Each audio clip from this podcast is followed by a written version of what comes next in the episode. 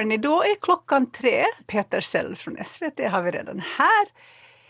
Sony Jörgensen, manusförfattare för film, tv, spel, också dramaturg. Kristoffer Haug från HBO, hej! Och Josefin Tengelblad, här har vi dig, producent Nordic Drama Queens. Eh, hej kära panelister! Vi ska ju börja med att kolla att alla hörs på ett bra sätt. Hej Peter! Hej, hallå! Kul att vara här! Hej! Hej Kristoffer! Hej Johanna! Väldigt hyggligt att vara här. Hej Sodi! Hej allihopa! Yes, och hej Josefin! Hej! Ja, men toppen. Eh, bra! Vi ska prata idag om bättre feedback eh, för bättre projekt. Det här är alltså en session eh, som eh, är gjord med Kulturakademin. Eh, det här är en del av Storytelling Days. Och ja, hörni, jag tänkte att innan vi pratar om vad som ska bli bättre så måste vi börja med att få lite styr på vad utgångsläget är. Och om jag vågar försöka mig lite på att eh, sammanfatta vad ni alla sa i era intervjuer eh, så kan man säga att det finns en del återkommande problem eh, i feedbacksituationer. Eh, de handlar ofta om att man är otydlig om var man befinner sig i processen. Eh, man ger fel feedback vid fel tidpunkt, man ger för mycket eh, feedback, man ger kanske fel sorts. Ibland ger man feedback bara för att man känner sig tvungen att göra det. Eh, och dessutom finns det det som, som Soni pratade om, som hon kallade för micromanaging, alltså att man ger Eh, istället för att till exempel ställa frågor, vilket många av er lyfter som en bra metod att ge feedback, eh, så försöker man istället som den som ger feedback att föreslå eller diktera i värsta fall vad eh, lösningen ska vara. Trygghet är det som behöver uppnås och rädsla är det vi försöker, måste försöka inte eh, klara. Och här så så tänker jag väl att om vi då försöker som en sorts första runda, så här, hur bra eller dåliga är vi egentligen på manusfeedback eh, i Sverige och i Norden? För att det som ni har beskrivit, är det liksom ett branschproblem om de här är återkommande? Eller är det ett individuellt problem i den meningen att varje person som jobbar med det här bara måste lära sig det på något sätt i på jobbet och att alla är lite dåliga i början och sen blir alla väldigt bra och det är ingen som fortsätter vara dålig. har vi ett kulturellt problem eller behöver vi bara bli lite bättre på att lära oss i början av våra karriärer? Josefin skrattade till så du får börja svara. Ja, alltså det låter ju tråkigt att säga att jag tror att vi är lite dåliga, men jag tror att vi är lite ovana. Um, och um, och det bara är så och det får vi liksom leva med. Och jag tror att alla som kliver in i ett rum är väl lite osäkra och lite rädda oavsett om man är beställare eller inte. Ehm, så jag tror att, jag menar det här är jätteviktigt. Bara att jag har inte hört talas om den här typen av panel där man faktiskt tar upp det och får olika aspekter på det. Ehm, och det som är alla problem eller allt som är svårt och läskigt så börjar man prata om det så blir det bättre. Mm. Vad säger du Sony? Ja, um, ja nej, jag håller med där. Um, att uh, det är ju väldigt mycket individuell basis och sen ser man ju i uh, panelen att uh, det finns ju många som bygger en enorm erfarenhet och, och därför kan Eh, blir bra liksom, på feedback eh, på grund av mycket erfarenhet och utbildning vad det kan vara. Men vad, vad jag berörde lite i min intervju var just det att eh, jag tror att vi har ett branschproblem och det har bara att göra med hur branschen ser ut i, i nu utgår jag från Sverige, men det är nog ganska likt sådär att um, det, det, är en mindre bransch helt enkelt och hur, hur man kommer in så olika uh, i, i de här positionerna i Sverige. Och det var då jag menar på att i USA till exempel är ett bra exempel. Därför att där är det en megaindustri. Och där kommer ju man in, ehm, de, många som börjar jobba eh, i branschen där och vill bli producenter eller beställare. Eh, de har ju gått många av de här filmskolorna över hela landet och eh, börjat praktisera på ett mm. produktionsbolag, studio eller agentur eller management. Och vad gör man då? Då sätts man direkt på att läsa alla dessa kilometer höga högar av manus. Och det är en enorm träning. Men det man ska komma ihåg också att många av de här kommer från de här filmskolorna i USA Och då ingår det även för de som jobbar som eh, redan från början vet att de vill jobba som producenter eller gå vidare som agenter. Så då ingår det ju en grundutbildning i, i manus och eh, manusutveckling. Inte för att de ska börja skriva. Så att det, det, det är en helt annat upplägg. Och det gör ju att när du till slut har klättrat upp till att bli producent eller beställare i USA, då har du enorm kunskap mm. i utveckling. Så jag märker väldigt skillnad på feedbacken man får eh, om man gör ett jobb med amerikaner. Eh, eh och eh, Josefin, du hade ett bra sätt. Du sa också att eh, det, det, är skarp kritik. Men där har min erfarenhet när den varit positiv är just det här. De går aldrig in och micromanage eller försöker mm. liksom pracka på. Just det. Och det har, det har med kunskap att göra, därför att det är ett hantverk. Ja. Peter, jag märkte att du ville komma in. Jag ska också säga att Peter har gjort oss den stora ynnesten faktiskt att ställa upp trots att du har covid fortfarande. Tusen tack för det. Eh, det är orättvist att du måste jobba när du är sjuk, men vi är jättetacksamma för att du har valt att göra det ändå. Eh, hur tänker du Peter? Branschproblem eller individuell okunskap? Nej, men alltså det är inte värre än att 50 av min hjärna består av snor just nu, vilket kanske inte är så stor skillnad mot annars. Eh, nej, men jag, jag tror om man jämför med andra länder, jag plockar upp det där lite grann, så tror jag, det är naturligtvis väldigt svårt, det beror på vilket land man jämför med. Det kanske finns länder i Afrika där man inte har kommit så himla långt i manusfeedback, men av förklarliga skäl. Men jag, men jag tänker liksom, jag tror, lite som Son är inne på där, att USA är min bild i alla fall, när jag har varit liksom i manusrum i LA och sådär, att jag upplever att man i USA och till viss del i England har ett tydligare gemensamt språk Eh, för vad man menar när man säger bara sådana enkla grejer som liksom storyline och eh, synopsis. Och, och jag kan känna ibland att vi saknar samma vokabulär till exempel och naturligtvis vad vi menar med de olika sakerna. Ehm, där känns det som att man, att man har lite mera ett, ett, liksom ett standard procedure på något sätt som man sen kan förhålla sig till och säga att vi gör på ett annat sätt i den här produktionen. Men det finns ändå någon slags standard för vad man menar när man, när man arbetar med tv och film. Så mm. det, det kan jag sakna i Sverige. Att vi, vi har inte, vi får liksom, varje ny produktion får nästan lite uppfinna sitt vokabulär och sitt, liksom, sitt sätt att, att formulera sig. Lite, Mycket lite intressant. Lite generaliserat ja. såklart. Men jag, men, eh, men jag längtar efter en dag när vi alla menar exakt samma sak när vi säger ordet storyline. Toppen. Kristoffer, vad, eh, hur tänker du på den här frågan? Eh, är, är, är vi i Norden dåliga på, på manusfeedback? Eller tillbakamelding som vi kallar det på norska? Eh, nej, jag tror att eh, det är ju definitivt eh, det är snack om erfaring, som man har varit inne på. Att man, man eh, det är klart, eh, vi har en, fortsatt en väg att gå, även om vi, vi har nu produserer og har produsert mye i, i Norden. Ehm, så det er klart, jo mer erfaring man har, eh, jo eh, større kunnskap har man og kjennskap til prosess. Eh, men så er det jo definitivt individuelt også. det er jo det vi snakker om, er jo kommunikasjon.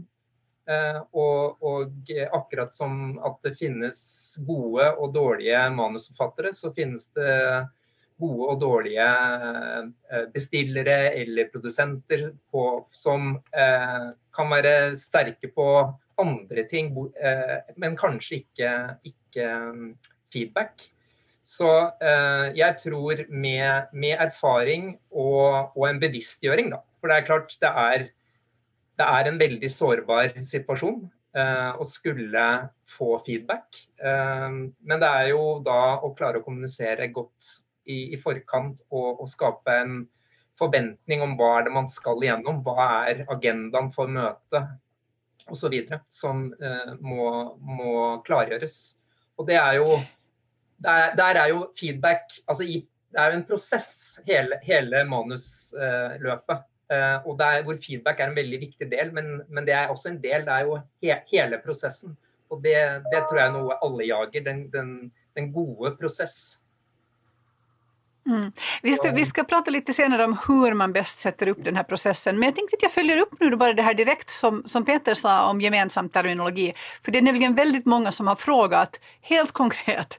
Eh, finns det någon handbok i manusfeedback som ni tycker är extra bra eller finns det någon sån etablerad branschstandard eller procedur eller metodik som man liksom kan slå upp och lära sig och sen kan man det här som vi bara skulle kunna enas om?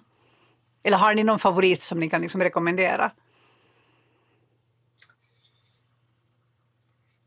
Nej. Jag, jag tror inte att det finns riktigt. Igen, för att det, det är sån speciell kunskap som man får genom eh, utbildning och eller erfarenhet. Men vad jag brukar göra till exempel eh, när jag går in eh, som dramaturg, då har ju jag olika ord för saker. Men då brukar jag förklara för mottagaren att när jag säger det här eller när jag refererar till det här som jag vet det finns flera olika ord för Mm. Det, det bör man väl kanske ha koll på lite om man ger feedback, det tror jag man har. Uh, till exempel ordet huvudkaraktär kan tolkas olika. Tema är någonting som kan tolkas jätteolika. Då bara ja. snabbt definierar jag det för mottagaren. Då.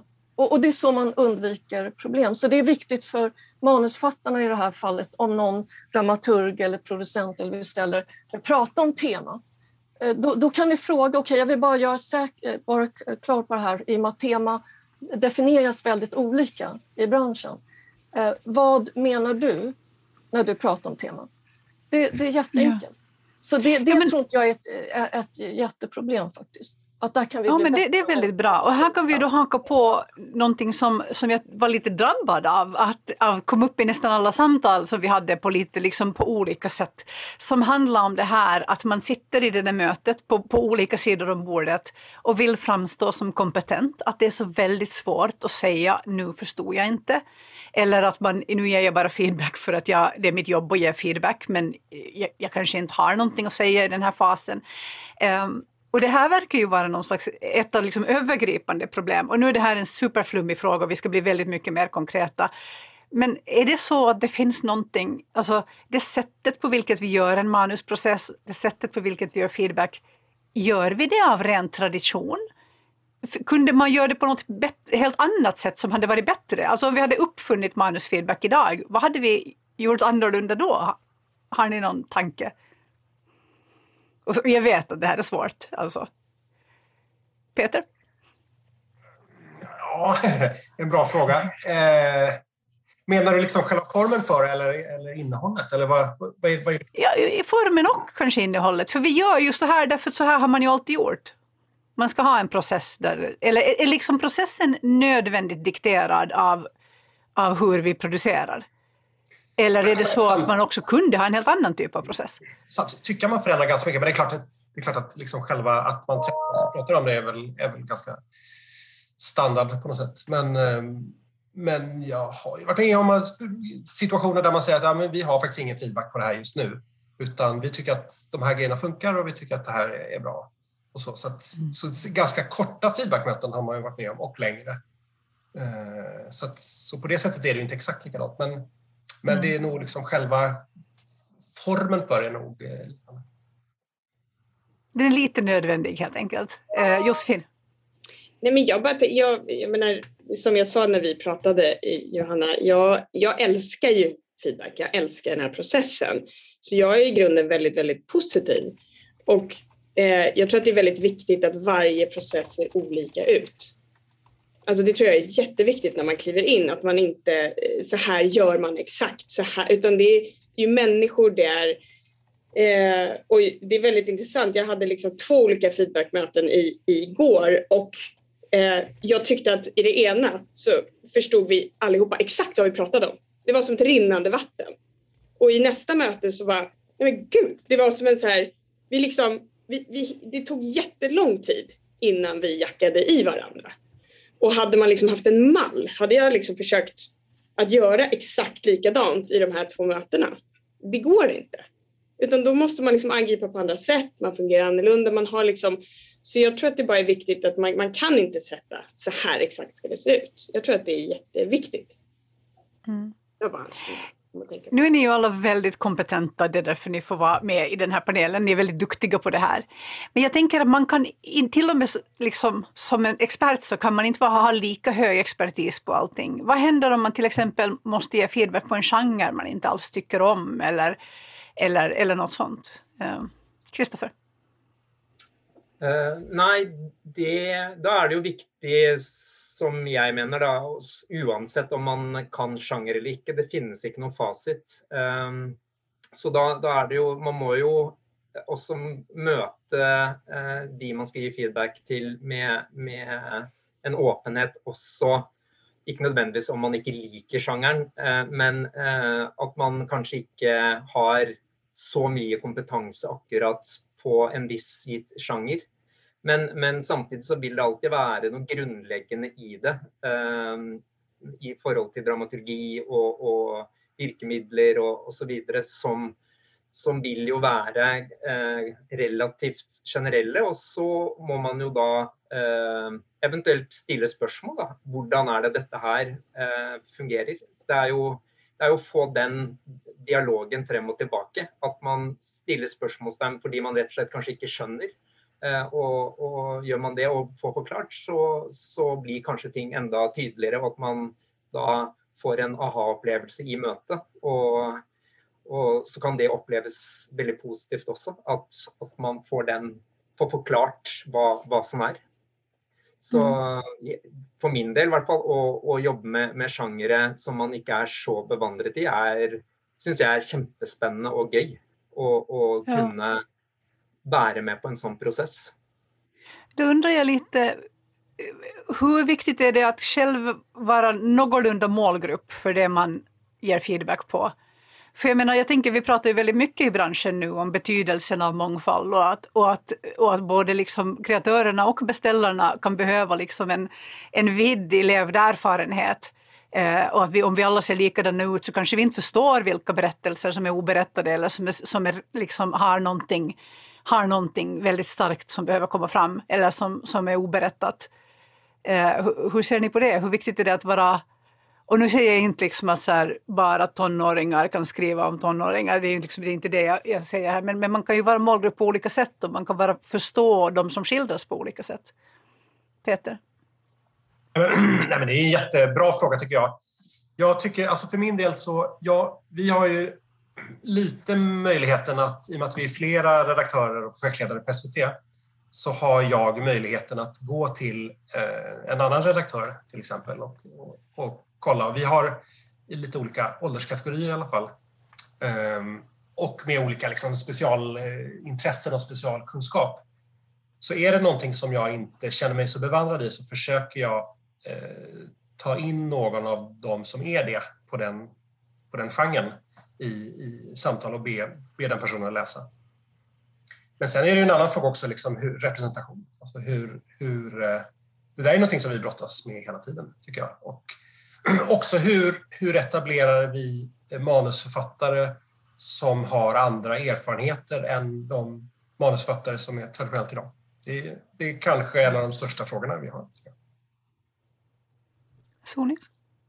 Eh, ja, jag ser både eh, om man är den som ger feedback, men framför allt den som skriver.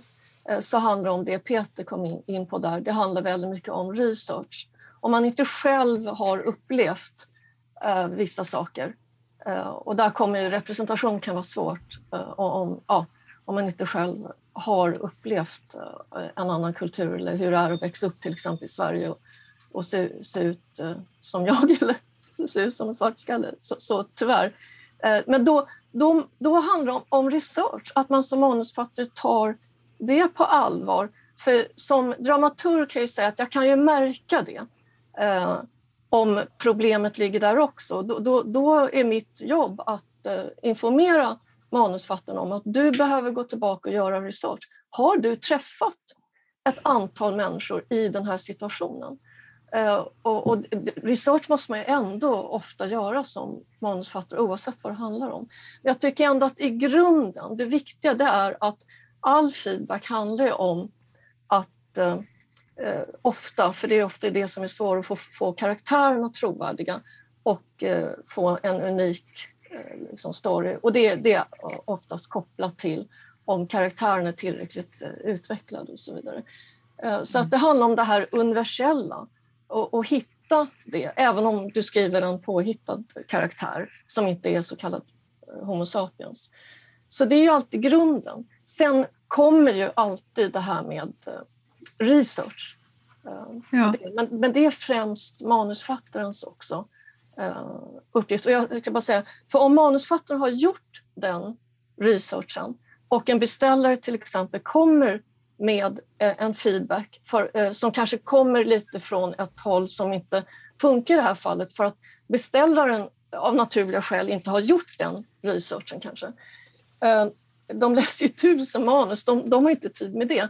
Men om man är påläst som manusförfattare då kan man ju dela det med beställaren. Eh, och ibland är inte det ett bra argument. Då kanske man, det är en svag scen. Det hjälper inte att man har gjort research. Men det är där jag menar att det är ändå manusfattarens eh, största uppgift. Men där kan man både som beställare och dramaturg eh, se det och då uppmana mm. eh, och inspirera manusfattaren till att du behöver göra mer research. Josefin både nickar och ser fundersam ut. Vad tänker du på? Förlåt. Okej, okay, jag är inte medveten om det. Jag är inte skeptisk Sonny, det var jätte... Jag, jag vet, Helt korrekt. Ja. ja. Um, ska, jag, ska jag säga något? Vad jag tänker ja, på? men säg. Nej, men jag tycker att det handlar om, jag menar nu har jag ju nyss varit beställare i tio år och nu klivit över på den andra sidan eller vad man kallar och är producent och är ju därmed närmare kreatörerna. Um, och um, det här är ju som, jag tycker ett producentyrke är som en journalist, alltså man, precis som Sonny är inne på, men det handlar ju om att göra research eller förstå. Eh, och det är lite som Kristoffer pratar om en genre. Jag älskar också att hoppa in i en genre som jag är dålig på. Då är jag jätteärlig. Jag är jättedålig på skräck. Jag hatar att se skräck. Jag kan knappt se det. Och när jag har varit med i de rummen, jag måste vara ärlig, men jag tycker det är så fruktansvärt roligt. Men jag, kan in, jag är liksom ingen att riktigt luta mig på i de rummen. Men, men, men det är bara ett exempel. Men just det här med när man har olika, olika kompetenser i ett rum. Det är så häftigt som producent och få vara med och lyssna på en författare eller en regissör som har en erfarenhet som, ska, liksom, som inte jag har. Eh, och det är klart att ska man liksom gå riktigt djupt i en problematik då måste man ju hitta den. Om det är den författaren som har det eller om man tar in någon annan eller hur man liksom gör. Eller om man jobbar med verkliga historier. Så där. Det är ju liksom men det måste man ju, den kompetensen måste ju in i rummet på ett eller annat sätt. Men, men där ser jag verkligen att så här, det är som en, en journalist och bara supa in och förstå och lära sig och kliva in i liksom, det är som att kliva in i en roll. Liksom. Nu går vi in i det här. Så det är ju, det är en ynnest. Det är ju så häftigt. Mm. Okej, nu tar vi en jättesvår fråga. Eh, jag lovar, jag ska bli ännu mer konkret sen, men vi tar ännu en sån här supersvår. Vad är konstruktiv kritik?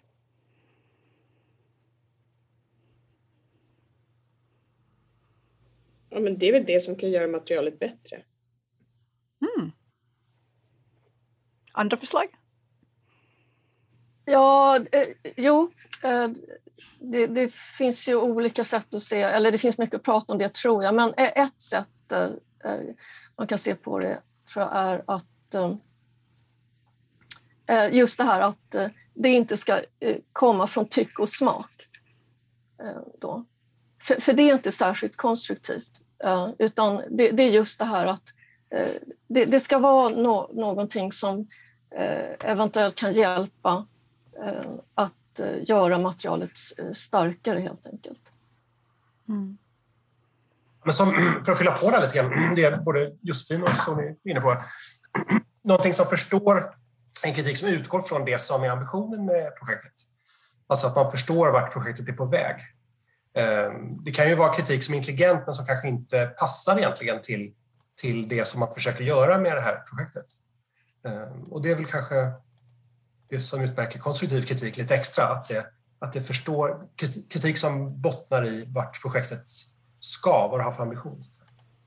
Mm. Ja men verkligen. Får jag säga en sak där bara? För det handlar ju om att det jag ser beställare och producent, det är ju att hjälpa en vision att bli till. Och en konstruktiv kritik är ju att just det. Eh, om, om man förstår vart man är på väg. Men ibland är det inte så lätt att veta hur. Men då vill man ju som beställare eller producent vara den där. Jo, men nu är du inte där. Det är inte där på grund av det här, det här, det här. Och så kommer det fram och så helt plötsligt så det här är så intressant för att liksom i vardagligt tal så menar vi väl någonting med, i stil med att det är inte liksom taskigt. Alltså att man, att man är lite schysst, det är inte personangrepp. Men det är liksom för löst. Det hjälper inte alls i det här fallet. Ibland kanske konstruktivt är att vara väldigt tydlig i sin, alltså hård men tydlig i sina argument. Kristoffer, vad tänker du? Ja, eh, jag tror Sonja är inne på veldig vesentlig at, eh, at, det ikke går på smak. For det, det, mm. det men, men, igjen stille spørsmål eh, Hva er poenget med denne scenen, eller eh, denne eh, replikken, eller altså at, at, man ikke forstår, kanskje. Eh, og snakke om det. Eh, og få forklart hvorfor er denne, ja, hvorfor er denne scenen her. Og, og, hvis man ikke klarer å svare på det, eller, eller man eh, eh, Kanskje man kan også selvfølgelig være uenig, men, men, så lenge man på en måte ser funksjonen da, til, til, det som er, eh, så tror jeg man kan være veldig tydelig og si at OK, vi skal fra A til B, men, men jeg blir stående på B. Jeg kommer meg ikke videre fordi når den karakteren sier det, det eller det, så, så stopper det opp for meg. Um, og så må man jo uh, høre med rommet og se hva er det. Kan det styrkes? Kan det tydeliggjøres? Kan man finne en annen vei for å komme, komme seg videre? Um, og noen ganger så kan man komme med et forslag for å på en måte sette i gang hva om vedkommende hadde gjort sånn. Og så får man kanskje motargumenter. Men, men jeg tror jo tror det er viktig at eh, man ikke bare sier at eh, jeg syns ikke dette var noen bra scene. Eh, mm, just det. Det här var ju intressant som du sa att man kan komma med ett förslag. För att alltså, kanske om man kommer med ett förslag, ibland kanske man gör det i ren desperation när man liksom inte når fram till varandra. Så kan man, oh, men tänk om, om det skulle vara så här. Det kanske låser upp något hos författaren då som kan säga nej, det kan inte vara på det sättet för att det här och det här och det här. Och då plötsligt kommunicerar man, ja men då, då pratar man ju om varför. Liksom. Um, och då är det ju inte, det är inte samma sak som att säga gör så här istället. Då är, vi, då är vi inne på micromanaging som vi pratade om innan. Eh, ja. Eh, vi har en fråga här från, från uh, Åse Högfeldt som, som frågar, är det någon skillnad på konstruktiv kritik i olika typer av produktioner? Eh, sånn generelt, tenk, altså det vil det jo helt sikkert være. Eh, og det går jo igjen på eh, hvem eh, sitter i rommet. Eh, man, forhåpentligvis så blir man kjent og, og, begynner å kjenne hverandres styrker og svakheter. Eh, og, og, man vet kanskje hvor man må trykke for å nettopp klare å forløse, sånn at det ikke skal oppleves som eh, bare kritikk. Så, så for min del så, så er jo alle eh, tilbakemeldinger eller feedback-møter forskjellige. Eh, mm. Men de kan være like, relativt like med samme forfatter eller forfattere eller produsenter. Men, eh, men eh, eh, hvert prosjekt er jo helt unikt. Mm, sorry. Ja, jag kan lägga till en sak här om, om konstruktiv kritik. Att det ligger ett inbyggt problem i det. Därför att alla som ger kritik, feedback, oavsett vilken, från vilken position, ser det själva som att, det är, att de ger konstruktiv kritik. Eh, då. Eh, men då kanske jag får komma in på en sak som jag eh, tycker är viktigt att hinna eh, förmedla här. Eh, då, att på grund av det här, och som Kristoffer säger, det är jättemycket individuellt.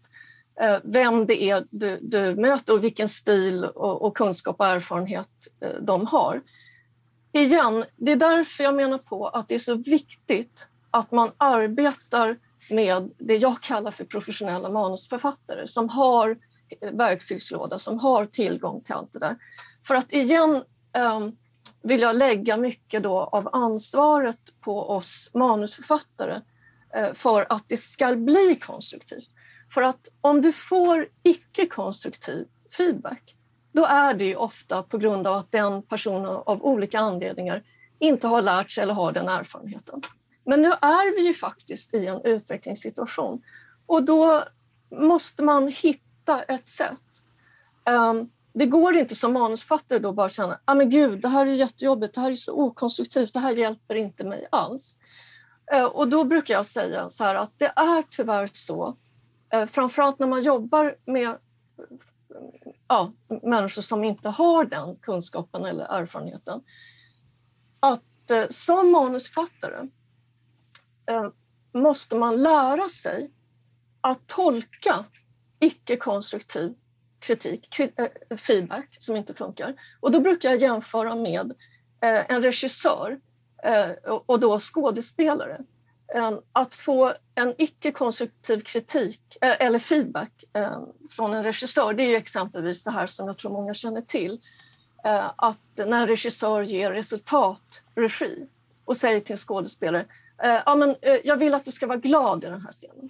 Eller ännu värre, jag vill att du ska vara glad men ändå med lite sorg Okay? Det är saker som inte är spelbara. Och det är exakt den typen av effekter vi får eh, som manusförfattare när vi tar emot kritik som inte är konstruktiv. Det vill säga, det är inte användbart. Men då kan inte jag bara sitta och säga att Nej, men det här är, eller bli panikslagen. Eh, antingen kan jag direkt ställa en fråga. Ehm, men mycket så handlar det om, tror jag, att man som manusförfattare så handlar det väldigt mycket om att vara så öppen som möjligt och anteckna så mycket som möjligt. Okay? För att det här är ingenting, det är meningen att du ska direkt komma på en lösning. För då går man ofta på den första idén och det vet vi alla, att det är ofta inte den bästa lösningen.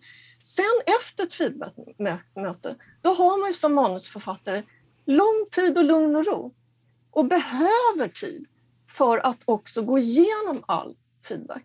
Och det är mm. där det stora arbetet ligger att eh, tolka. Så att om, om någon ger mig feedback som jag vet att, är till exempel en idé eller något sånt där, eh, som jag direkt kan se att nej men det kommer inte funka för det här, det, det, då kommer den här karaktären eh, inte vara trovärdig. Det behöver inte jag ens säga, för att den idén kanske ger mig en annan idé när jag sitter ensam på kammaren eller om man går tillbaka till Writers Room. Får jag bara hacka på här då, för Miriam Kaukosalo hade en fråga åt dig Soni som, som du nu nästan helt har besvarat, som är hur kan du, har du tips för att hur man kan bli bättre på att avgöra vilken feedback som verkligen bidrar till att stärka berättelsen? Så har du, alltså ska man känna det i kroppen eller ska man gå ut och testa det i manus? När man får feedback, hur ska man veta vilken som är av den stärkande sorten? Eh, ja, alltså att, att känna i kroppen, det är nog också väldigt individuellt för vi fungerar så himla olika. Men det är också någonting som kommer med erfarenhet. Så du ska aldrig gå på din magkänsla i början när du är oerfaren. Därför att mm. då kanske handlar det tyck och smak. Du känner i kroppen, ah, nej det där är dålig feedback för att du inte vill ändra eller någonting. Okay. Så jag återkommer alltid till det. Det handlar om hantverket, hantverket, hantverket. Det handlar om professionalism. Och har man det, det vill säga då har man sin verktygslåda och man har erfarenhet också som manusförfattare, då eh, Eh, har man allt som behövs för att kunna avgöra eh, hur du ska hantera med, med den här feedbacken. Och när man får då icke hjälpsam feedback eller någon försöker pracka på en ehm, eh, så här ska du göra. Så även om någon micromanage så, så kan du ibland hitta ett sätt att hantera det. Och då är tipset, när de kommer och säger till dig, ja men du måste göra så här och så här. Uh, Okej, okay. då måste du ändå ställa dig frågan. Visst, du vet eh, säkert redan i rummet att nej men det här är inte hjälpsamt, det är ju jättedåligt. Och, och då blir det bara formuleriskt och tråkigt och allt. Eller någonting vi har sett förr, eller vad det nu kan vara. Eller det passar inte den här storyn. Um, men då vet du att det är ett problem i ditt material. För att annars skulle den här producenten eller beställaren aldrig säga en sån här stor sak som bara blir helt konstig. Eller hur? Och jag vet att det är tufft, men jag, jag försöker alltid se det konstruktivt. Att istället för att känna att man är ett offer för att man hela tiden blir bombarderad med icke hjälpsam kanske feedback i, i, en, i, en, i ett projekt. Då vet jag det. Okej, okay, den här har en feedback-style som inte hjälper mig. då är det mitt ansvar att göra allt jag kan för att eh, eh då se, okej, okay, den feedbacken är fullkomligt värdelös. Mm. Men det innebär troligtvis att jag har ett problem. Och då är det mitt ansvar faktiskt som manusförfattare att identifiera det problemet, för då har fått hjälp utifrån av att det är något problem här. Okej? Okay?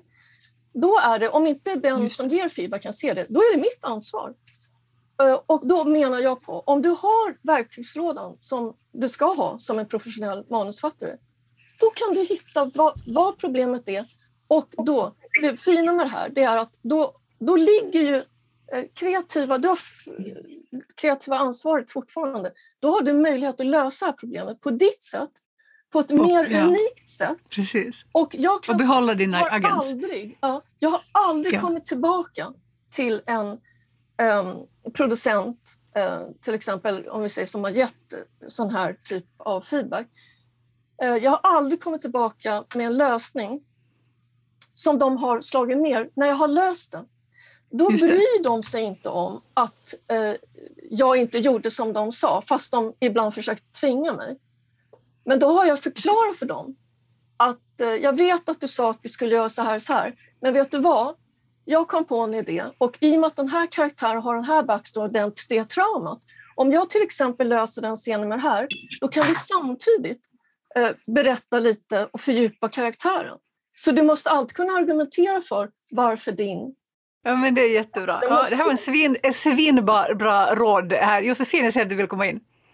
Nej, men jag, jag, tyckte, jag vill bara haka på, eh, för jag, jag, jag, tycker det var väldigt bra beskrivet. Eh, och i och med att jag har jobbat som beställare i tio år så vill jag bara addera, eh, för det är ju samma sak i producentrollen, men det blir ju väldigt mycket såklart när man kliver in i ett rum och är beställare och alla lyssnar och det här liksom, det är klart att man ska, precis som du säger, så anteckna och ta in och smälta och göra sin egen version och, eh, men jag vill bara ge ett självförtroende i att också gå emot beställaren när man inte förstår. För att oavsett erfarenhet, det är jättebra och jag uppmuntrar alltid det därför att jag kan vara otydlig eller eh, och det är då man kan få igång en, en, liksom en dialog kring ett problem och lösa det tillsammans. Eh, och är man fler i rummet så kan det börja med att man adressera någonting och så säger man men jag förstår inte och så kommer, får man möjlighet också att andra kommer in och så helt plötsligt så har man hittat en väg som var, är, verkligen uppstår i det rummet och det är det som är så fantastiskt.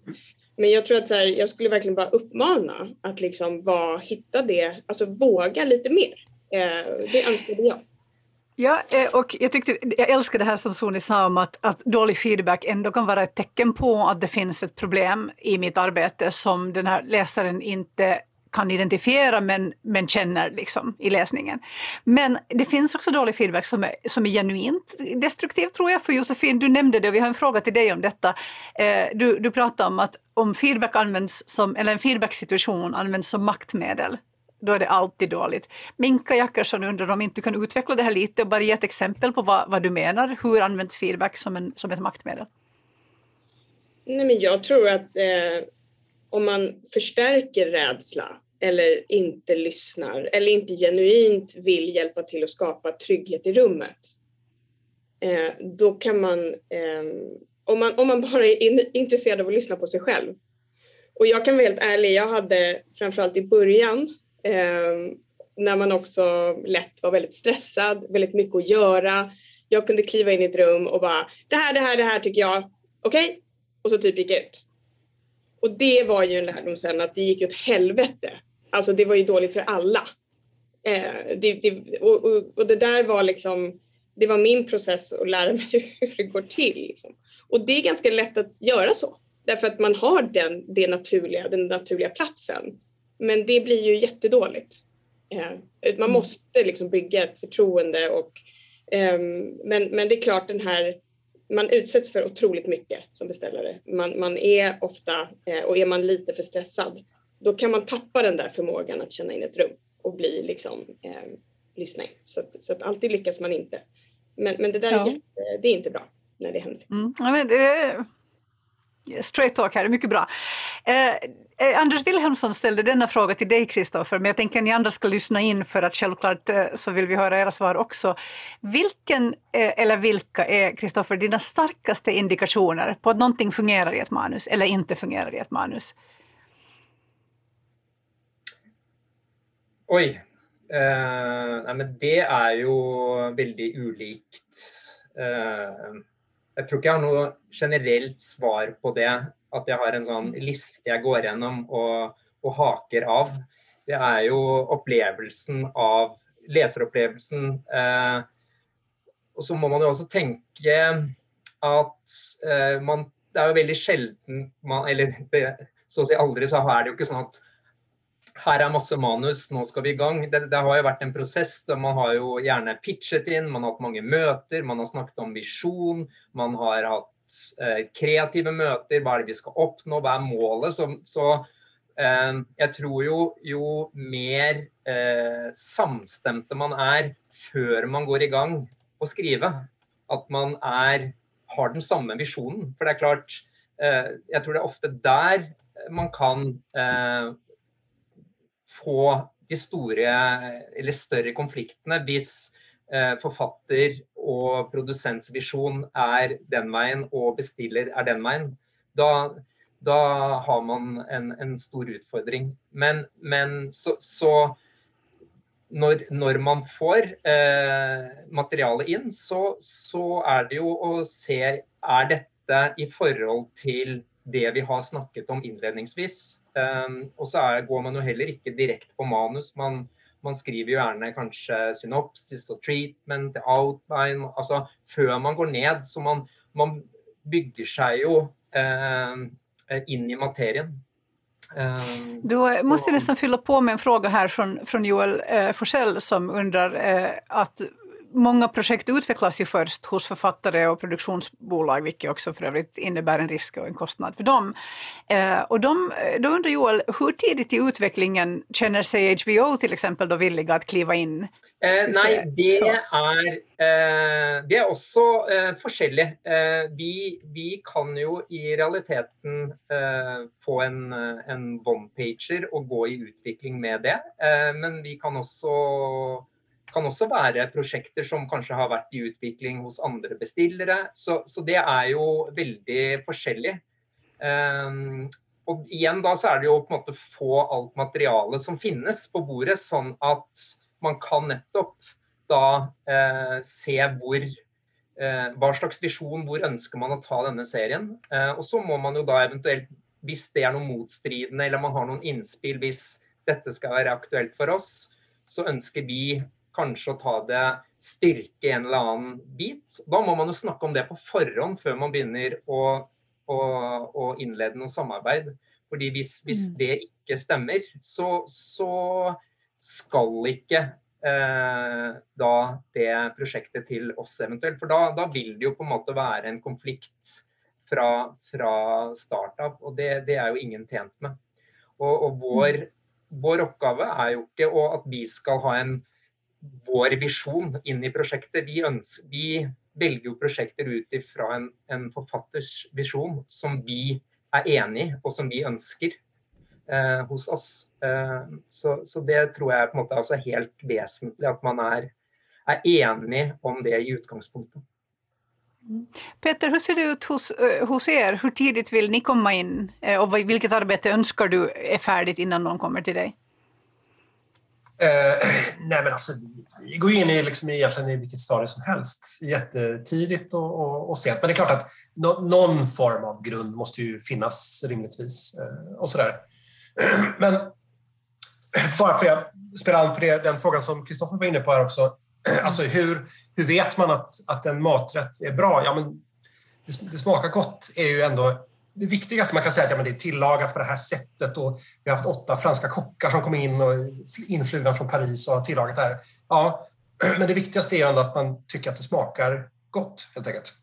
Och jag tror att det, för, för oss på SVT så är det här kanske viktigare än vad det låter som. Det, det, det är självklarheter. Men samtidigt så vi har ju public service-kappan eh, på oss och, och, och, vi, det finns massa boxar, apropå det som Kristoffer sa. Vi har en del boxar som vi på ett sätt behöver ticka. är eh, det liksom, uppfyller de här, de här grejerna? Men jag tror att det är viktigt att man inte går vilse i det där och, och att, att projektet blir liksom för rätt. Utan det måste... Fan, det, fisken måste smaka bra till slut. Det, det, måste vara spännande. Man måste känna att det här, är, det här är intressant. Det här är en engagerande historia. Det här är någonting som jag vill titta på. Är, man får inte tappa bort det i, i alla, i alla så säga, relevanta eh, boxar som tickas. I samtalet med Josefin så, så kom vi fram till att om man gråter när man läser så är det antagligen bra. Och en annan är att om det, om det är tråkigt när man läser, alltså om man, inte, om man blir uttråkad när man läser, mm. det, det, är väl en indikation på att det finns ett problem. Eh, men, sen så men, efter... men, men, visst, absolut, jag, jag håller verkligen med. Ja, men det känns ju också, alltså, det känns ju egentligen helt sjukt att vi ska hålla på på den här enorma liksom, höga nivån av yrkeskompetens och så kan, kan man liksom inte vara mer specifik än så, men, men det är väl där någonstans vi hamnar. Ja, jag, att, man kan, att man kan specificera mer än det. Men, ja, förlåt Sonja, du menar. Ja, sorry, kom ja, nej, jag är inne på det du, du säger Peter. Det är bara det jag brukar formulera det så här att Uh, nu pratar jag inte om experimentell konstfilm och, och sådär, men, men uh, så överlag så menar jag på att uh, oavsett genre så behöver ett manus vara en page-turner. Man pratar ofta om page-turner för thrillers och, och sånt där, eh, krim kanske. Men är det ett litet eh, independent eh, ensembledrama, det måste fortfarande vara en page-turner. Och när det inte är så att du vill vända blad, då är det på grund av att det är problem i manus, ofta med karaktären att de inte är tillräckligt utvecklade eller att man har utvecklat manuset enligt någon formula och inte organiskt eh, och, det känns inte unikt och sådär. Eh, och det är det som är målet, precis som Peter sa, det är dit man eh, ska nå.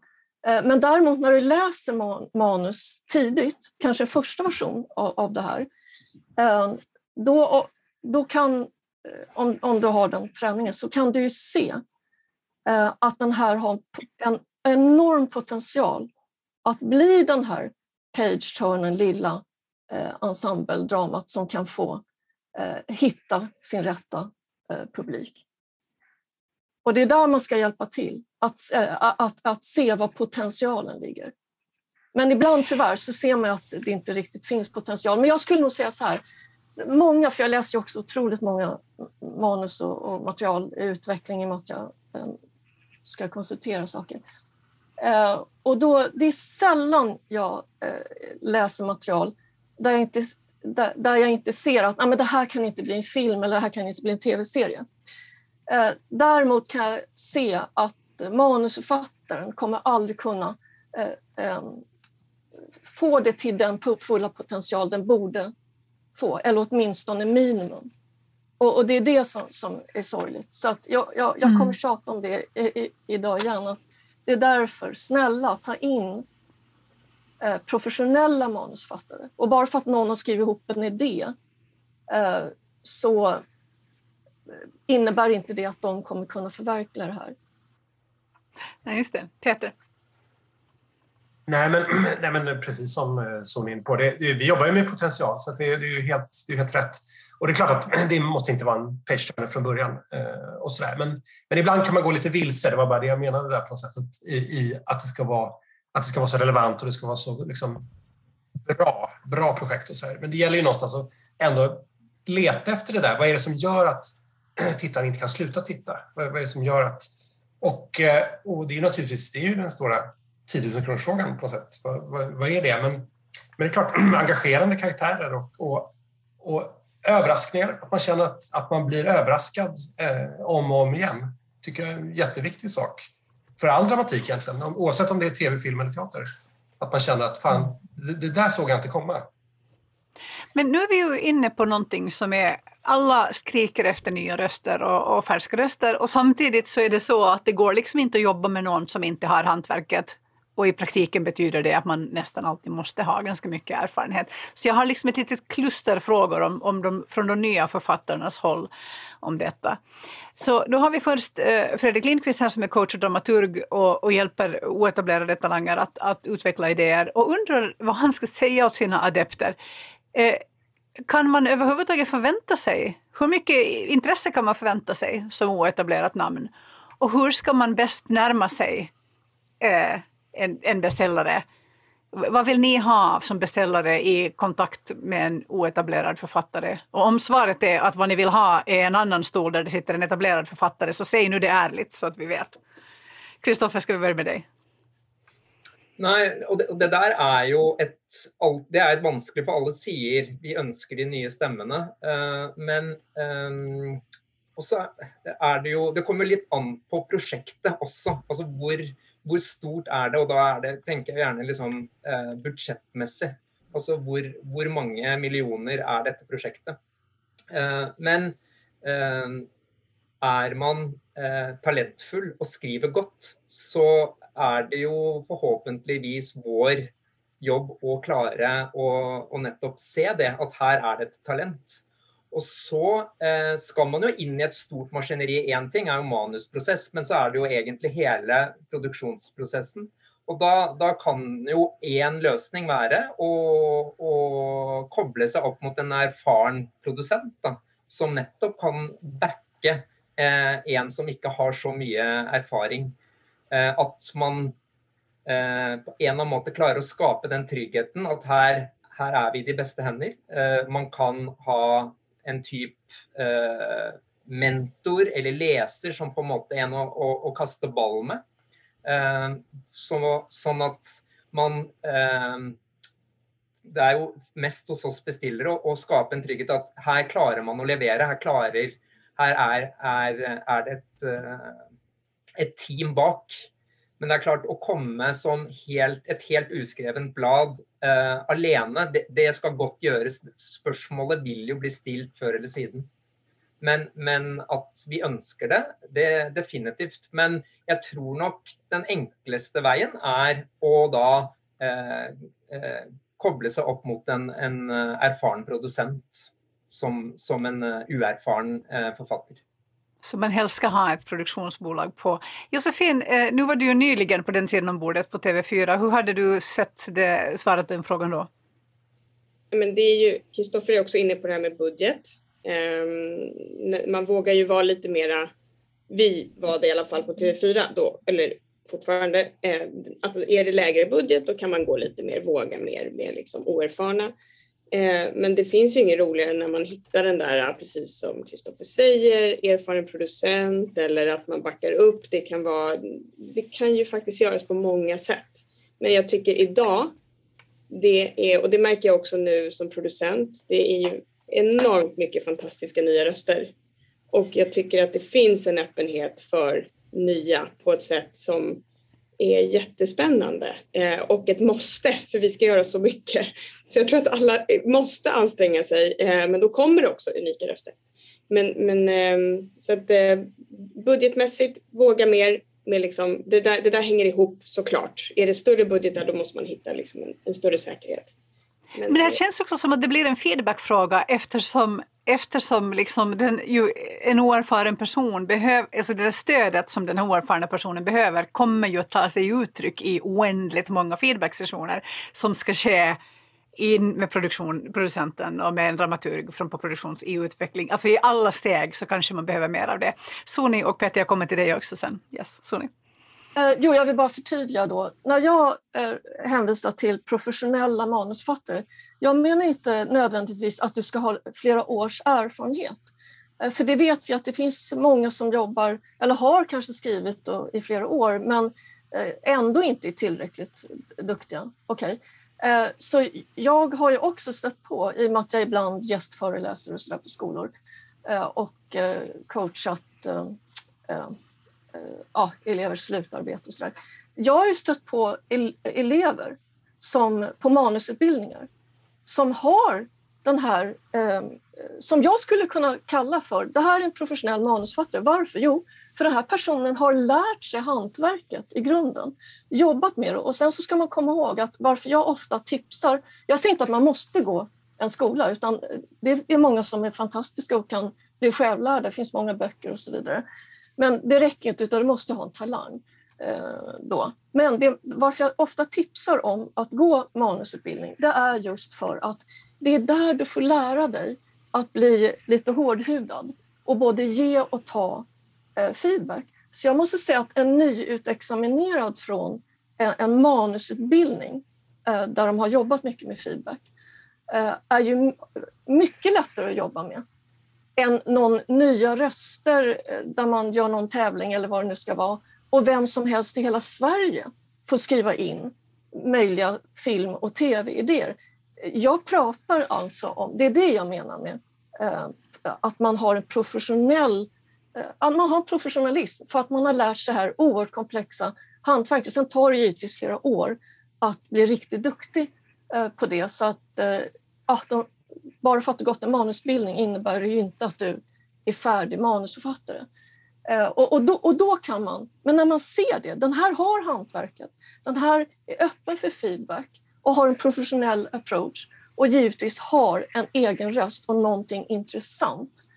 Eh, det är då man, eh, de har verkligen en chans. Och, och, och då, då, är det ju som ni säger, att då, då, då handlar det om att hitta rätt mm. producent och man kan hitta olika sätt att stötta den här intressanta rösten.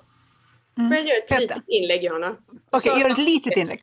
Ett litet, litet. Nej, men det som jag tycker är spännande, eller jag vill bara säga det här, att har man oer, mer oerfarna, då, då måste man räkna in längre tid.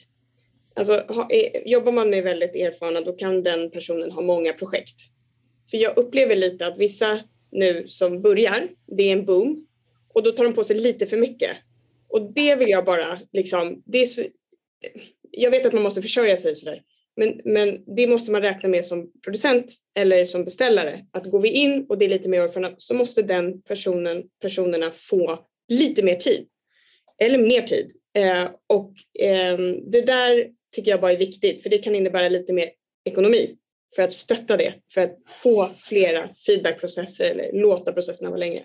Och jag oroas lite av att vissa har för mycket och då kommer de inte kunna ha rätt processer. Jag vill bara säga det. Så det vill säga en eh, oetablerad författare kan vara billigare så att säga men, men kostar mer i tid. Men det är ja. ändå värt av på återväxten. Så ja, men verkligen. Men man måste ta ansvar för att man har den tiden som författare också. Förstår det, alltså det, det. Precis, på bägge sidor. Precis. Ja.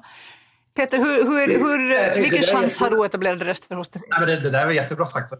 Alltså det, är, verkligen ett stort problem att, att eh, just när vi har en sån boom i Sverige med, med eh, tv och, och streamingtjänster och, så, och, och, allt möjligt. Att, eh, att unga författare kommer fram och får plötsligt liksom fem, sex olika projekt och inget av dem blir av därför att de blir för splittrade. Det, det är faktiskt, det har jag sett eh, flera, flera fall av. Eh, och du hade en fråga till mig också, vad var det? Ja, men det var väl hur, hur kan man komma till, till det som etablerad författare eller ska man, ska man göra det som de andra säger med en med en erfaren kollega och ett produktionsbolag i handen? Nej, absolut, man kan komma till, till SVT eh, oetablerad, det kan man absolut göra. Men, eh, men jag tror, som de tidigare varit inne på, att man har mycket att vinna på att, att se att tv är ett ensemblearbete. Om man, om, man, eh, om man inte tycker om att jobba i ensemble så, så är det svårt eh, att jobba med tv som, som ung författare. Jag tror att man behöver se att, att man behöver ingå i ett, i ett större sammanhang. Mm. Eh, sen om man gör det via ett produktionsbolag eller om man gör det på annat sätt. Men, men, man kan absolut komma till SVT utan ett produktionsbolag, ja. Men, men det är positivt om man har det, skulle jag säga, om man är en ung författare. Och det är också förstås alltså positivt jag översätter lite i den bemärkelsen mm. att om någon annan som är erfaren redan har läst på sig om projektet och liksom mm. tror på det så hjälper det ju rätt mycket. Liksom.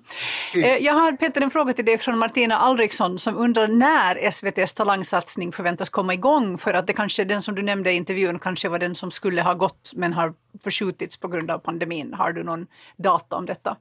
Ingen, jag, jag, vet inte, det är programledningen som avgör våra slottar så, så det har jag tyvärr ingen svar på. I, lite i anknytning faktiskt, eh, fast den här frågan kom lite tidigare, till det som vi nu precis har pratat om, undrar Joel Forsell i chatten följande. Eh, förtroende mellan beställare och författare är avgörande. Hur arbetar ni på båda sidor med att hjälpa författare att ge sig själv rimliga delmål och rimliga deadlines? Eh, hur arbetar ni med uppföljning på ett sätt där ni har tillräcklig inblick för att upptäcka problem i tid men inte sitter som en tung skugga på axeln? Peter, du nickar så du får haka på direkt. Okay. Eh, en av de stora skillnaderna mellan Sverige och USA, om man nu ska ta den, är ju att vi arbetar med tid. Eh, det, det, allting i USA går fort som fanken och de har jättemycket pengar och jättemycket kunskap och jättemycket resurser. Det vi har eh, i det internationella perspektivet är att vi har tid. Eh, så, att, så det, är, det är ju någonting som vi värnar om. Nu är det naturligtvis lite olika på olika, olika ställen och sådär, men, men om jag talar från, från vårt perspektiv så är eh, vi har egentligen inte bråttom om det inte är liksom ett, en, en, serie som handlar om någonting som är fruktansvärt aktuellt. Men, men där är vi i regel inte starka, skulle jag säga. Eh, där är ju amerikanerna till exempel mycket, mycket bättre. Men vår konkurrensfördel är att vi tar tid på oss, att vi ger tid till våra författare. Och är vi ett projekt där vi märker att det här behöver fatta mer tid så ger vi det i regel. Det eh, det, det är sällan som vi, som vi liksom pockar på så här. Sen är deadline inte oviktigt för att för det, det, är viktigt för oss att kunna planera in i kalendrar som där när vi ska läsa och så vidare. Men jag tror att, jag tror att eh, vi försöker inte stressa fram projekt bara för att de ska vara klara i tid, utan där är kvaliteten det som är det viktigaste. Så där handlar det helt enkelt om att ni inte ställer orimliga krav på författarna. Och det är ju ett sätt att stötta dem i att få, få rimliga deadlines. Jag kan väl också tänka mm. att en, ett svar på den här frågan är att det ska man faktiskt klara av själv. Alltså i någon mm. mening, man ska klara av att sätta sina, sina tidtabeller själv. Kristoffer, hur ser du eh, på det här att skapa liksom en process med en rimlig timing och hur mycket kan du stötta författaren i det? Nej, men vi är nog ganska lika eh, da SVT. Eh, det är lite som att å spørre om hur långt er et tau. Eh, det, det, avhenger veldig av projektet. Eh, og, vi jobbar också med utveckling, altså vi bruker masse tid på utveckling. Eh, och, så har man en, en tentativ plan.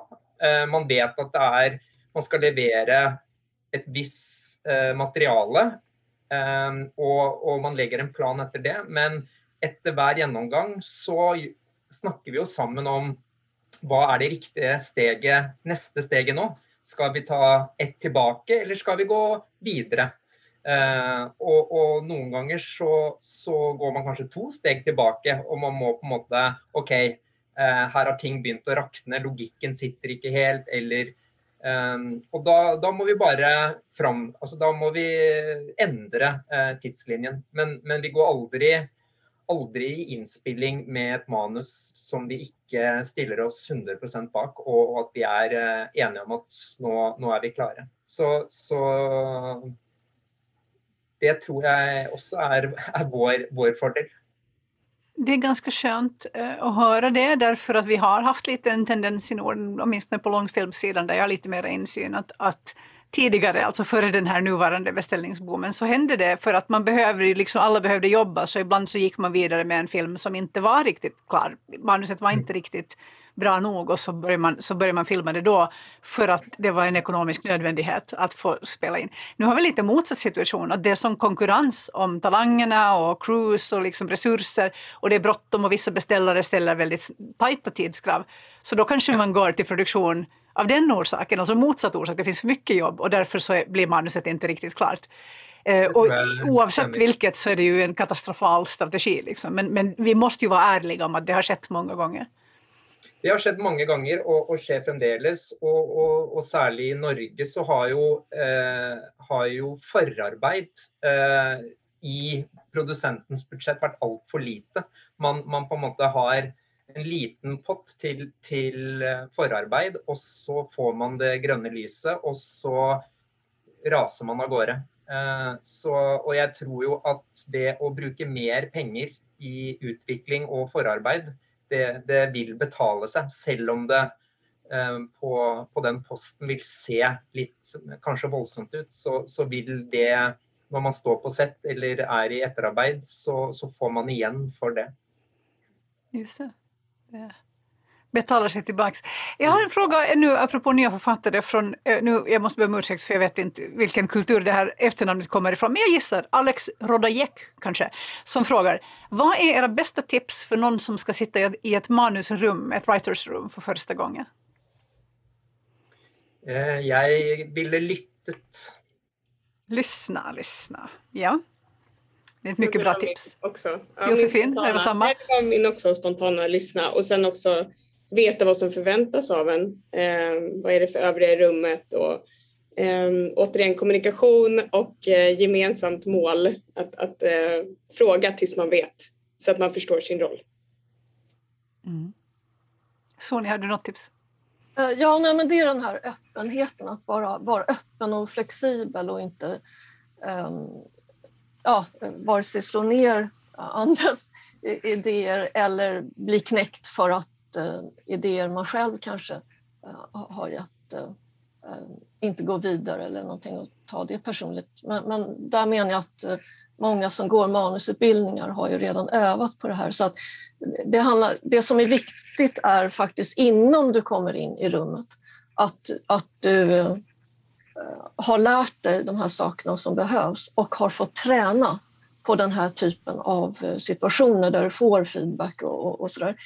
För om du är väl förberedd och har den grunden, och igen jag tjatar om det hantverket, eh, då behöver du inte oroa dig för att eh, alla har ju olika stil liksom, i ett rum.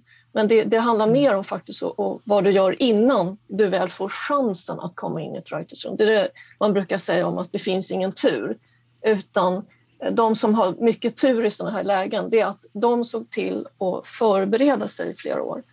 Eh, så att när tillfället dök upp, då var de förberedda och kunde ta sig an det här.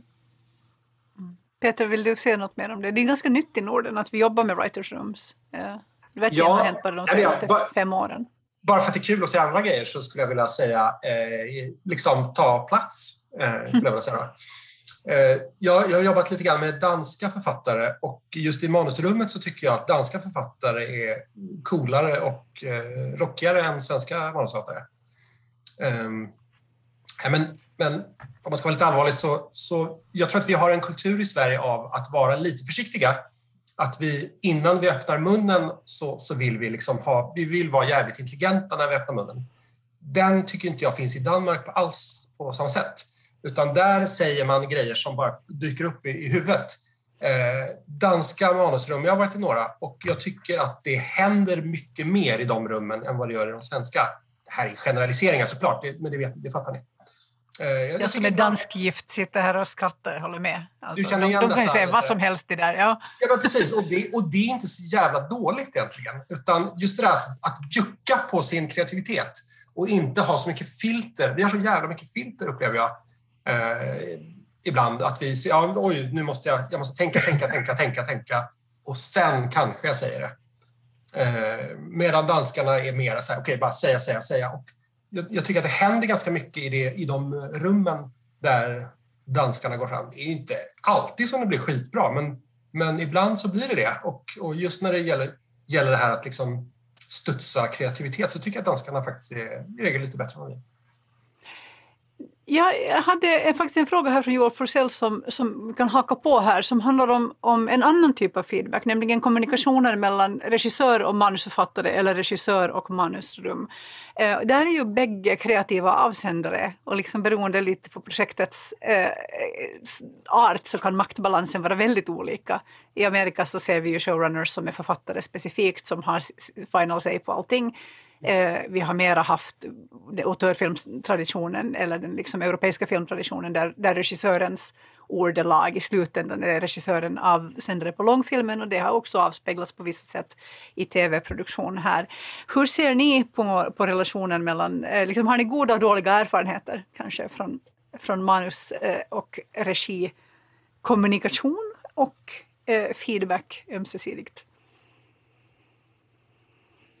Men det er jo, det er jo veldig også forskjellig, og det kommer også an på når er det regissøren kommer eh, inn i, i, i rommet. Eh, mm. Er det eh, tidlig utvikling og skal være en del, så er jo det superinteressant. Men det er klart eh, det, eh, man har jo opplevd at man kanskje har utviklet noe i, i et par år, og så kommer en regissør inn og skal endre Eh, for å, å, ta sin visjon. Så, så, det er jo noe med å eh, Hvilket mandat har regissøren fått? Eh, og, og, hvorfor har vedkommende tatt jobben?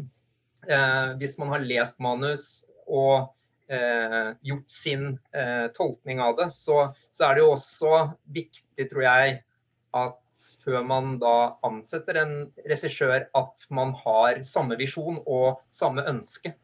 Eh, en regissør skal jo ikke endre, men skal jo løfte det som på en måte allerede ligger der. Det var fint sagt. Josefin?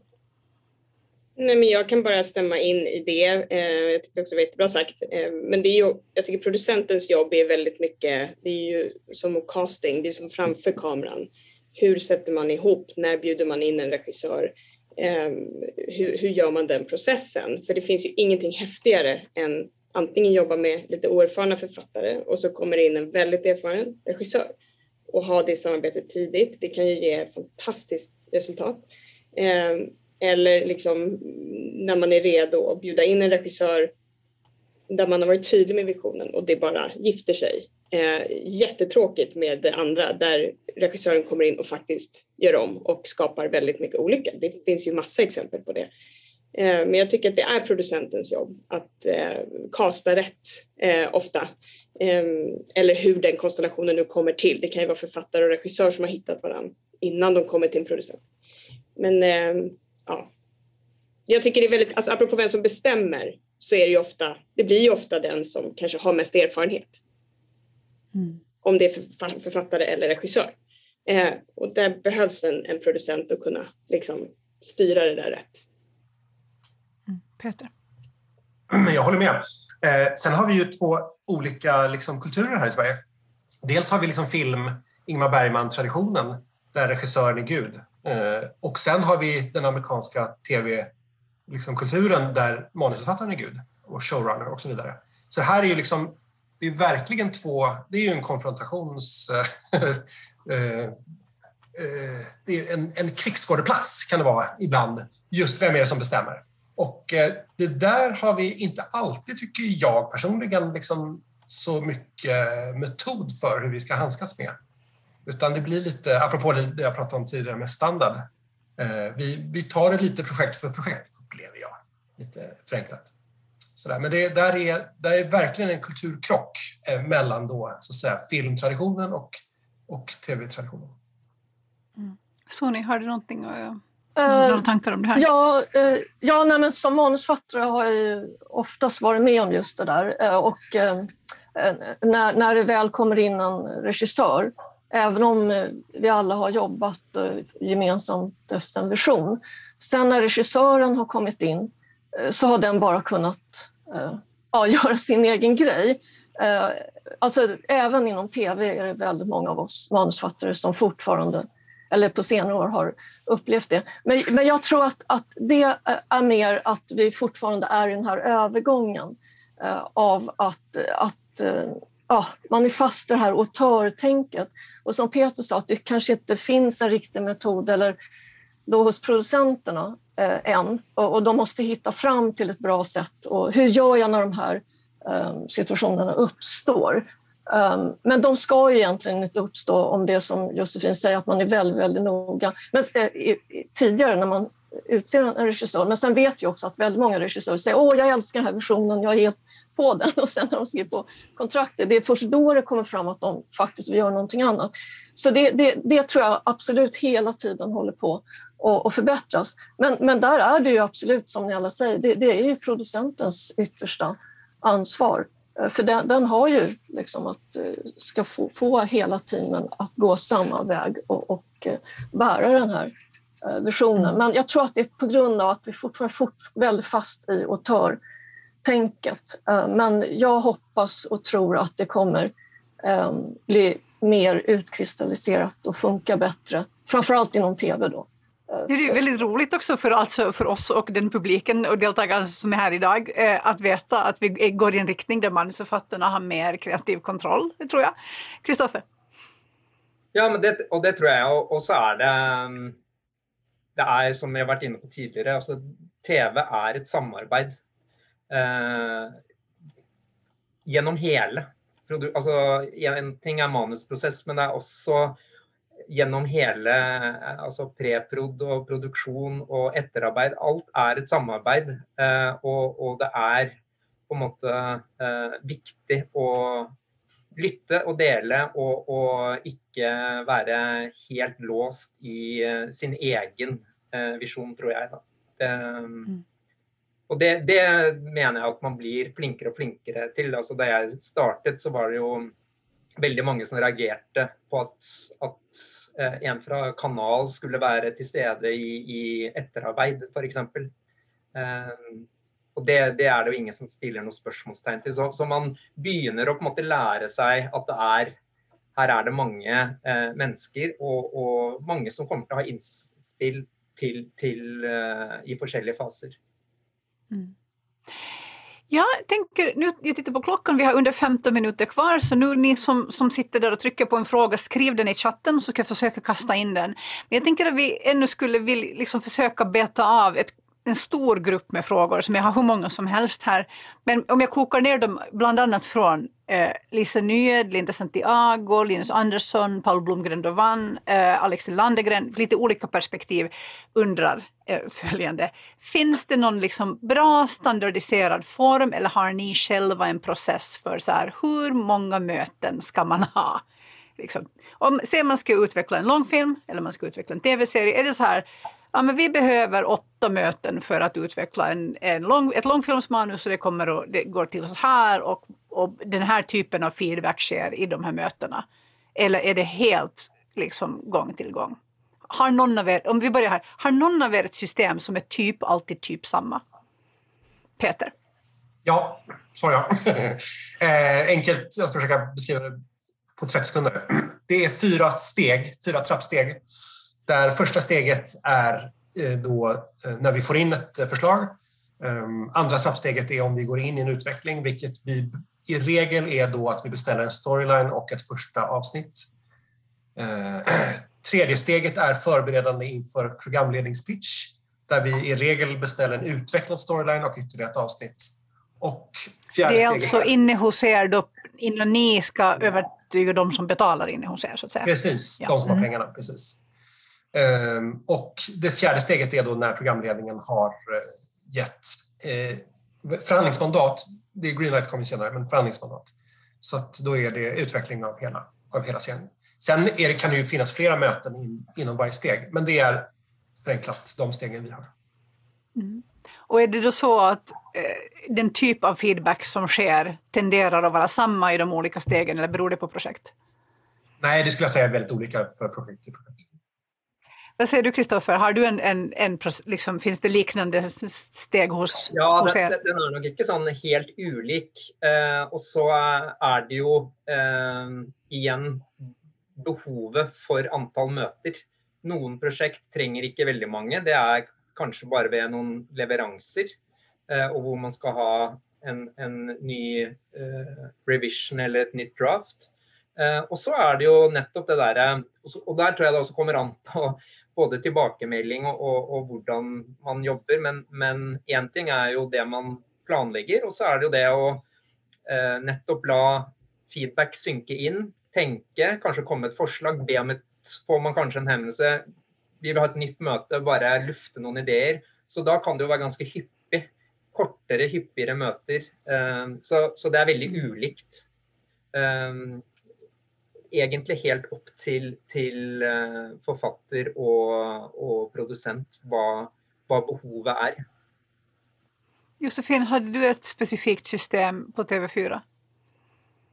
Men målet är ju att eh, få fram en pilot och en storyline om man ska generalisera. Sen tycker jag återigen att det har väldigt mycket att göra med eh, erfarenhet igen.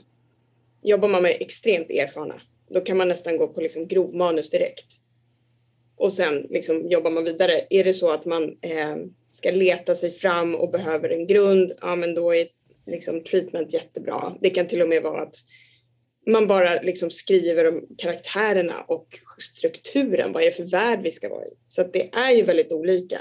Men målet är ju hela tiden att hur tar vi oss till att få fram vårt pilotmanus eh, och helst en storyline. Det är liksom, det är liksom Ja. Eh, nu är du då på produktionsbolagssidan och då undrar Linus Andersson eh, om du då till exempel det ska utvecklas ett långfilmsmanus hos er. Hur utformar du en, en tidsplan för en sån manusprocess? Ja, men, eh, nu har jag precis gjort en sån ehm, och det beror ju lite på också vad man har. nu är det här baserat på en bok till exempel. Då har man ju en historia. Ehm, men då, då, då jobbar vi liksom med, med treatmentfas så att vi liksom till slut är överens om vad är det för ram, vad är det för berättelse vi ska berätta innan man går vidare på en, en första manusversion. Um, och sen finns det liksom en, olika steg för det. Men jag skulle säga att det beror också på erfarenhet, men vi har ett år på oss. Um, så vi är liksom, det finns en plan som är ett år och det tycker jag är ganska bra. Eh, Soni, här är en fråga till dig från, från Paul Bunglen Dovan eh, som undrar eh, också om långfilm eh, specifikt. I utvecklingen av ett filmmanus, hur ofta och, och, när, vid vilka tillfällen tycker du att det är produktivt att få feedback från en producent eller, eller från någon annan som inte är dramaturg eller manuskonsult? Och då kanske jag vill omformulera den här frågan till att säga, ser, vet du med dig att vid vissa tillfällen så är det bäst med feedback från en, av en viss typ? Um, ja, men till exempel, det är så olika som manusfattare. Om man skulle jobba på spec, på spekulation och utveckla sin egen originalidé, eh, då kan man ju kosta på sig att eh, lägga ner mer tid på att eh, utforska och så vidare tills man känner att nu, nu har jag ja, gjort ett, ett synopsis eller treatment eller, eller vissa vill skriva en första version först. Eh, men vi pratar väl i första hand här om, om uppdrag och då säger jag igen att jag tycker att det, eh, om man då jobbar, att vi utgår från att man jobbar redan eh, mot en producent. Jag personligen vill att man har det här samtalet så tidigt som möjligt. Igen, det handlar om att hela tiden stämma av att man har den här gemensamma visionen som också utvecklas organiskt och, och där man gemensamt hittar framåt. Man trodde man att det handlade om det här men så inser man att nej, men det är nog det här och det är det här temat. Och då är det viktigt att man kanske gör det tillsammans så att alla är införstådda med det. Annars blir det så också onödigt arbete om jag inte involverar producenten då. Och, och ska, man ska absolut inte vara protektionistisk eh, som manusfattare för att eh, jag vill ju inte själv eh, Alltså sitta och skriva ett helt långfilmsmanus eller till exempel en step-outline eller en outline. Det är ett enormt arbete. Um, då. Och sen visa en producent. Och så visar det sig att nej, men hen hade tänkt sig någonting helt annat. Uh, så det är viktigt tycker jag. Framförallt när man jobbar uh, mot en producent. När du jobbar själv och sen senare ska gå till en producent, då ska du givetvis jobba på det viset mm. du själv föredrar. Det är intressant, jag tycker att vi egentligen är inne och nosar på att feedback, alltså på något sätt feedbackmötet är ju det mediet i vilket utveckling sker liksom i den här branschen. Men, men att man kan ändå lite se att det finns två olika fokus. Det finns den feedbacken som handlar om att man läser och pratar för att definiera vad är det vi håller på med och för att kontinuerligt försäkra sig om att alla jobbar på samma projekt fortfarande. Och sen finns det den feedbacken som kanske är den man mest tänker på i vardagligt tal, som är tekniska förbättringar. Hur kan vi göra denna grej bättre? Och det är ju förstås i relation till den gemensamma visionen, så man kan inte göra den delen utan att göra, göra den andra delen hela tiden. Eh, men, men jag tror att det är bra att kanske tänka då om man är manusförfattare och särskilt om man är lite ny, att de här ständiga feedbackmötena handlar inte om är jag bra eller dålig? Utan de handlar om jobbar vi på samma projekt? Och det här känns som en sån ganska banal insikt som jag har fått efter att ha pratat med er oändligt många timmar. Så då känner jag att vi redan har kommit fram till, till någonting liksom, här. Um, vi har inte jättemycket tid kvar, uh, så jag skulle vilja ställa denna fråga. Jättebra. alltså alla tror jag av er pratade om att ni började er karriär i en position som involverade att koka kaffe och eller ta väldigt mycket kopior vid en kopiator. Och jag tror den här kopieringsmaskinen är väl inte lika liksom närvarande i filmbranschen idag som den var för bara 20 år sedan. Vad är 2022 års motsvarighet till att koka kaffe och, och, och, och ta kopior? Finns det sätt att ta sig in i branschen så som ni gjorde. Kaffe eh. dricker man fortfarande. Jättemycket. ja. Så det görs fortfarande. Nej, men det, det, det, tror jag ju definitivt. Och det är ju det är klart, har man gått en, en lång uh, utbildning och har en dröm och, och man har kanske sitt projekt man önskar. Uh, och även om det är många som beställer och det är mycket produktion, uh, så tar ju ting stort sett samtidig altså veldig lang tid. Noen er heldige og, og, og vinner i Lotto og går rett gjennom, men, men, de aller fleste går jo på en måte eh, med, med en, eh, en, drøm. Før sa man at man hadde alltid den boken man skulle skrevet. Nå tror jeg alle har den TV-serien man vil skrive. Men i det da, så tror jeg jo eh, Igjen så er det jo viktig å, og jeg tror jo For å få erfaring så må man skrive. Eh, og det er ikke nødvendigvis da at man kanskje får skrevet på Eh, sin, sitt eget. Men det å være åpen for å, å skrive på andre. Eh, man kan være researcher. Man kan på en måte nettopp få lov å være flue på veggen da, i nettopp en feedback hvor du kanskje ikke nødvendigvis har den rollen, men bare se hvordan ting fungerer. Høre hva er det, hva er det det snakkes om. Når man hører på oss her, så er det jo veldig, veldig mye likt. Så det der å eh, kanskje eh, gjøre noe annet eh, mens man samtidig selvfølgelig skal bevare drømmen og jobbe videre med den, ta, gjøre noe annet i en TV-produksjon, tror jeg kan være veldig, väldigt lärorikt. Och kommer man ingen vart med den där tv-serien som, som, man har i hjärtat, som man har burit på hela livet, då är det kanske inte den man ska försöka slå sig igenom med, utan man ska göra någonting som man är lite mindre passionerad för, liksom, för att lära sig det där hantverket först. Sista minuterna, sista medskick, Peter? Eh, en sak jag skulle faktiskt vilja vända mig till eh, de som är producenter eller har producentambitioner. Och det är att slå sig ihop med beställaren så mycket som möjligt. Alltså i alla fall ha ett, ha ett pågående samtal. För ofta blir det att producenterna hamnar automatiskt på författarnas sida. Det måste inte vara dåligt, men, men jag tänker att eh, ju mera samstämmiga beställare och producent kan vara i vart vi är på väg med projektet, desto bättre. Så, att, så jag, jag tycker att det är viktigt med kommunikation i alla led så att säga, och inte minst mellan beställare och producent. För producenten är den som har så att säga, den dagliga kontakten med manusförfattaren. Det har inte beställaren, men att beställaren och producenten inte, att producenten inte känner att det blir överraskningar på manusmötet, på feedbackmötet. Mm. Utan att det här är, jag vet vad, vad beställaren tänker. Ja. Eh, och manusförfattaren då att skaffa en producent som, som eh, är samstämmig med beställaren. Vilket igen, mediet för att ta reda på att man är det, är de där mm. feedback-samtalen. Sony, ja. vad är ditt sista medskick?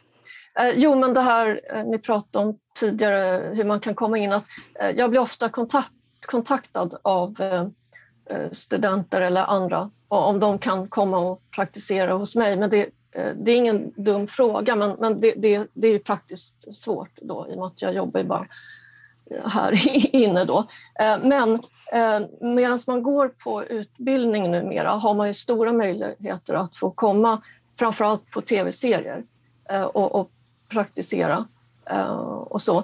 Men ändå, eller om du inte får det eller har gått ut en utbildning eller inte går en utbildning.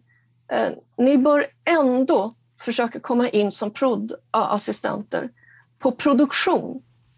För mm. att det glöms ofta bort att eh, om du inte har grundläggande kunskap om vad som pågår under inspelning och vad som krävs så kan det vara väldigt svårt att skriva också manus på det sättet som behövs. Jag, jag, jag kommer från den vägen. Så för mig var det helt naturligt. Jag kunde liksom mm. tänka... Jag, Tiden jag tar slut, förlåt. Ja. Yes. Men mycket, mycket bra råd. Kom nu in på ett eller annat sätt som, som proddas helt enkelt. Josefin, sista medskick? Okej, ska jag prata jättesnabbt nu? Eh, nej, ja, okej, då, då vill jag bidra med att eh, våga eh, så här eh, i ett feedbackrum med en beställare alla vill göra ett bra jobb. Eh, försök att inte vara så rädd. Försök att inte ha sån respekt. Eh, utan eh, det handlar verkligen om att kämpa för att få en gemensam vision. Och vara tydlig. Och stå på er. Yes. Vet ni vad? Då slutar vi här. Om inte Kristoffer spricker. Nej, vi är good. Det är bra. Då säger vi tusen tack. Det här hade vi kunnat fortsätta prata i flera timmar som ni märker. Eh, jätte, jätte tack för detta Soni Jörgensen, Peter Sell, Kristoffer Haug och Josefin Tenglad. Tusen, tusen tack.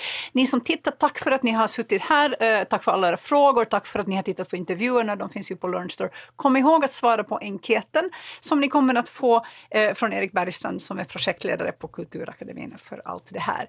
Då säger vi tack så väldigt, väldigt mycket. Och nu får man sätta på sin kamera och vinka till alla om man vill. Tack så jättemycket för idag. Tack för idag. Hej, hej.